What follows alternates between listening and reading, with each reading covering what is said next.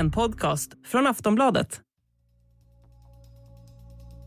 Kärnvapnen i världen väntas bli fler de kommande tio åren enligt en rapport från fredsforskningsinstitutet SIPRI. Ett trendbrott sedan kalla krigets slut. Det finns cirka 12 700 kärnvapenstridsspetsar utplacerade i världen enligt den ideella organisationen Federation of American Scientists siffror från början av året. 90 av dessa ägs av USA och Ryssland. President Putin has ordered Russian military commanders to put the country's strategic nuclear forces on special alert, their highest level. Samtidigt har kärnvapenhoten haglat efter att den ryske presidenten Vladimir Putin inledde en fullskalig invasion av Ukraina i år. Så vad händer ifall Putin gör verklighet av sina hot? Vilken roll spelar kärnvapen i världspolitiken idag? Har en ny kapprustning inletts? Mitt namn är Ronja de Bor och du lyssnar på ett avsnitt av Aftonbladet Daily. Erik Melander, professor i freds och konfliktforskning vid Uppsala universitet, är dagens gäst. Han får börja med att berätta varför kärnvapnen väntas öka nu.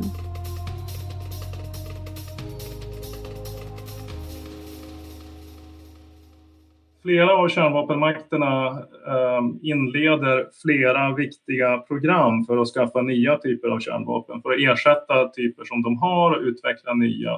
Så att de helt enkelt gör sina kärnvapen modernare och bättre. Och nu är det så att det sammanfaller i tid att flera stycken av kärnvapenmakterna satsar ganska mycket på det här.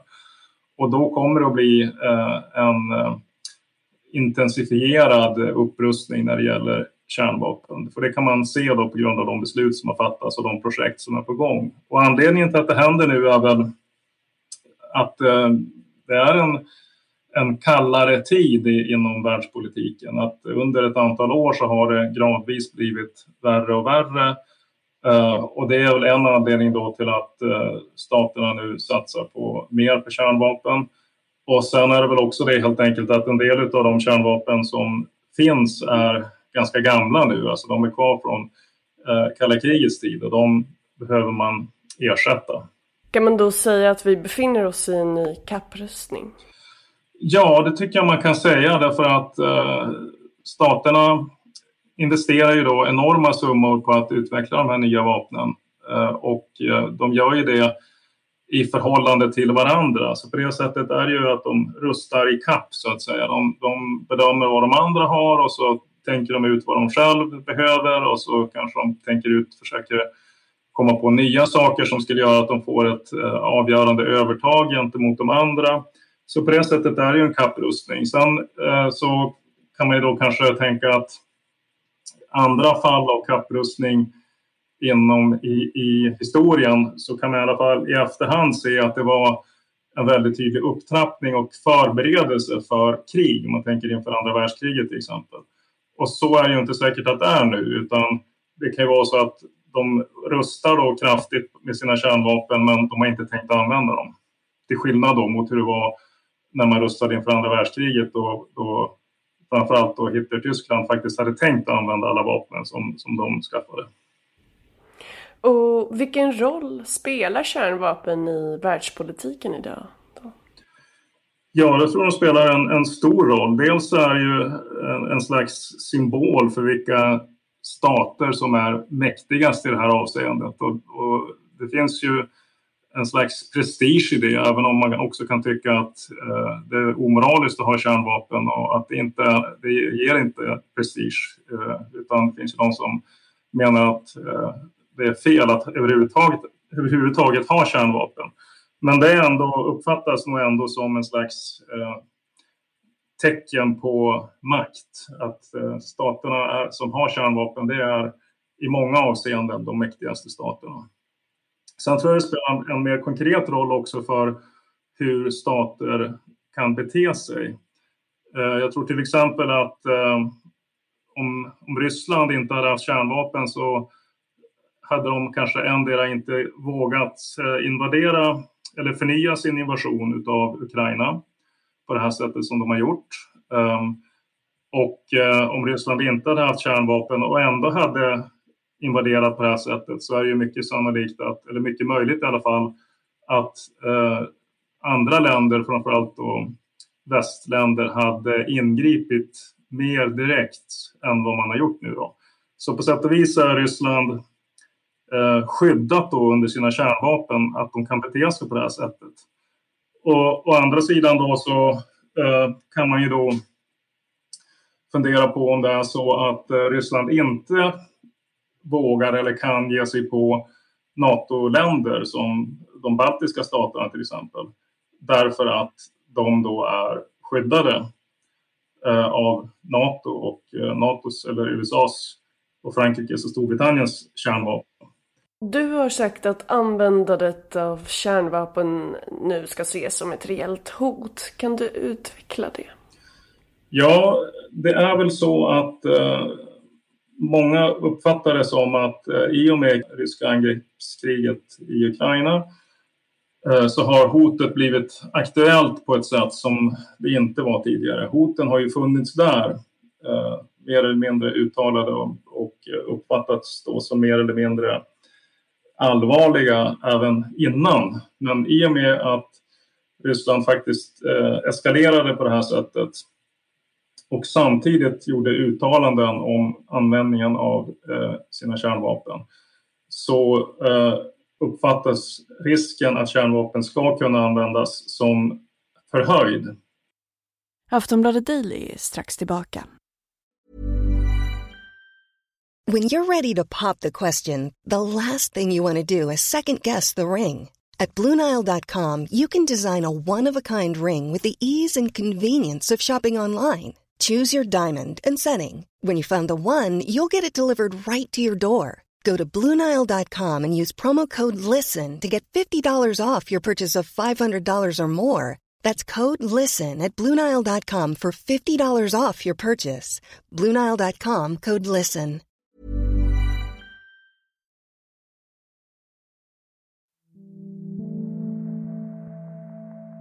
Enligt Erik Melander ska alltså användandet av kärnvapen ses som ett reellt hot efter Rysslands invasion av Ukraina i år.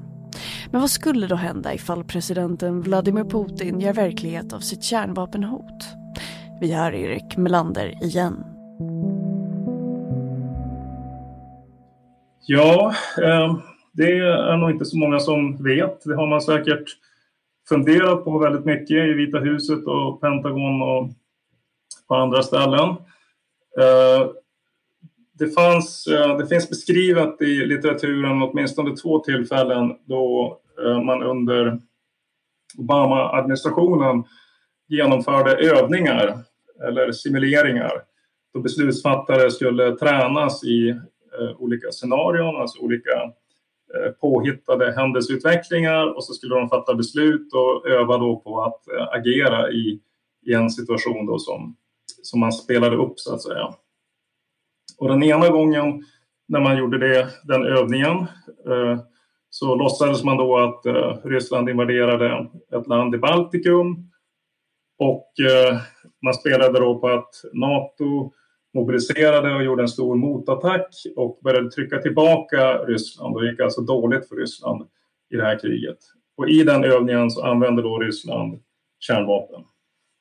Och då första gången man gjorde den här övningen så svarade eh, beslutsfattarna i USA då inte med kärnvapen utan man fortsatte då spela på att eh, det här konventionella kriget, alltså krig med vapen som inte är kärnvapen, att man fortsatte med det kriget. Men sen så spelade man övningen en gång till och då var det andra personer som övades som också var på väldigt hög nivå, alltså höga beslutsfattare. Och den gången så svarade USA-sidan då med att själva använda kärnvapen också. Så det är exempel då på att eh, hur det, vad som skulle kunna hända och att eh, det är väldigt osäkert. Det, det, är nog ingen som vet förutom då möjligen de som har eh, gjort plan, planer. Men de planerna är antagligen också utformade så att det finns olika alternativ. Att man kan välja alternativ A eller alternativ B beroende på ja, hur man uppfattar situationen om och när det händer. Och förutom Ryssland, finns det andra aktörer som hotar med att använda kärnvapen? Ja, man kan ju säga att alla kärnvapenmakter på sätt och vis hotar med att använda kärnvapen därför att eh, om inte annat så är, det, är de ju då tänkt för avskräckning, alltså ett avskräckningshot där eh, avsikten är att de inte ska behöva användas men det hotet ändå är att om vi blir angripna då, svar, då kan vi svara med kärnvapen. Så det är ett hot om användning av, av kärnvapen. Men annars är väl bara Ryssland som så tydligt har kopplat hot om kärnvapenanvändning till en nu aktuell konfliktsituation eh, och eh, har då liksom kopplat hotet om kärnvapenanvändning till konkreta steg då som man säger att motsidan inte får göra, att de inte får ingripa för då, då kan Ryssland svara med kärnvapen. Och hur ska man förstå sig på Nordkorea i det här? Ja, Nordkorea um, satsar ju hårt på att skaffa sig fler kärnvapen. Och um, de är också ett väldigt slutet samhälle där vi inte riktigt vet uh, hur de tänker och resonerar. Men det verkar ju rimligt att de satsar mycket på kärnvapen därför att de tror att det annars finns en, en risk att eh, någon, USA eller någon allians eh, någon grupp av stater skulle försöka störta regimen och införa en annan typ av regim. Eh, och för att skydda sig mot det så uppfattar de kanske att de måste ha kärnvapen. De kanske tittar på vad som händer med Saddam Hussein och eh, Gaddafi i Libyen och, så vidare och har dragit slutsatsen att för att säkra den egna regimens överlevnad så Eh, är kärnvapen det, det starkaste kortet. Och hur ser du på framtiden för kärnvapen i världen? Ja, eh, sannolikt så kommer det ju finnas många kärnvapen eh, Eh, under en väldigt lång tid framöver i världen. Och därför blir det då nödvändigt att arbeta för eh, nedrustning och bättre relationer mellan staterna i världen och eh, framförallt kärnvapenmakterna då, långsiktigt. Och det handlar dels om att på, omedelbart på kort sikt försöka förhandla fram eh, ordningar, avtal eh, Eh, som eh, reglerar kärnvapen på olika sätt. På, lång sikt eh, så är det ju ändå möjligt att tänka sig väldigt kraftiga minskningar utav kärnvapnen i världen eller kanske till och med att kärnvapen inte behövs längre. Om relationerna mellan kärnvapenmakterna skulle förändras väldigt, väldigt mycket till det bättre. Hur ser du på att det finns så mycket kärnvapen i världen? Ja, ehm, det, är ju, det är ju naturligtvis oroande och eh, ehm, om man tänker på konsekvenserna av eh, kärnvapenanvändning så är det ju helt eh, fasansfulla scenarios som, som man får föreställa sig. Ehm, så det är ju eh, väldigt eh, tragiskt att, att världen ser ut på det sättet som den gör. Sen så är det väl ändå så att eh, kärnvapnen och den modernisering och eh, upprustning av kärnvapen och eh, vanliga vapen också för den delen, som sker nu, det är ju ett slags symptom på allvarliga konflikter. Så det egentligen är ju konflikterna som är allra mest oroande, att det finns så olika synsätt också olika samhällssystem i världen och att det finns många regimer, många ledare som eh, är så brutala och auktoritära och beredda att använda våld mot andra folk. Eh, så att det finns då uppfattade behov av både en massa vanliga vapen och, och kärnvapen. Det är det som är egentligen allra mest eh, tragiskt, att eh, det finns så mycket allvarliga konflikter i världen. Det säger Erik Melander, professor i freds och konfliktforskning vid Uppsala universitet. Jag som gjort det här avsnittet av Aftonbladet Daily heter Ronja de Bor. Vi hörs!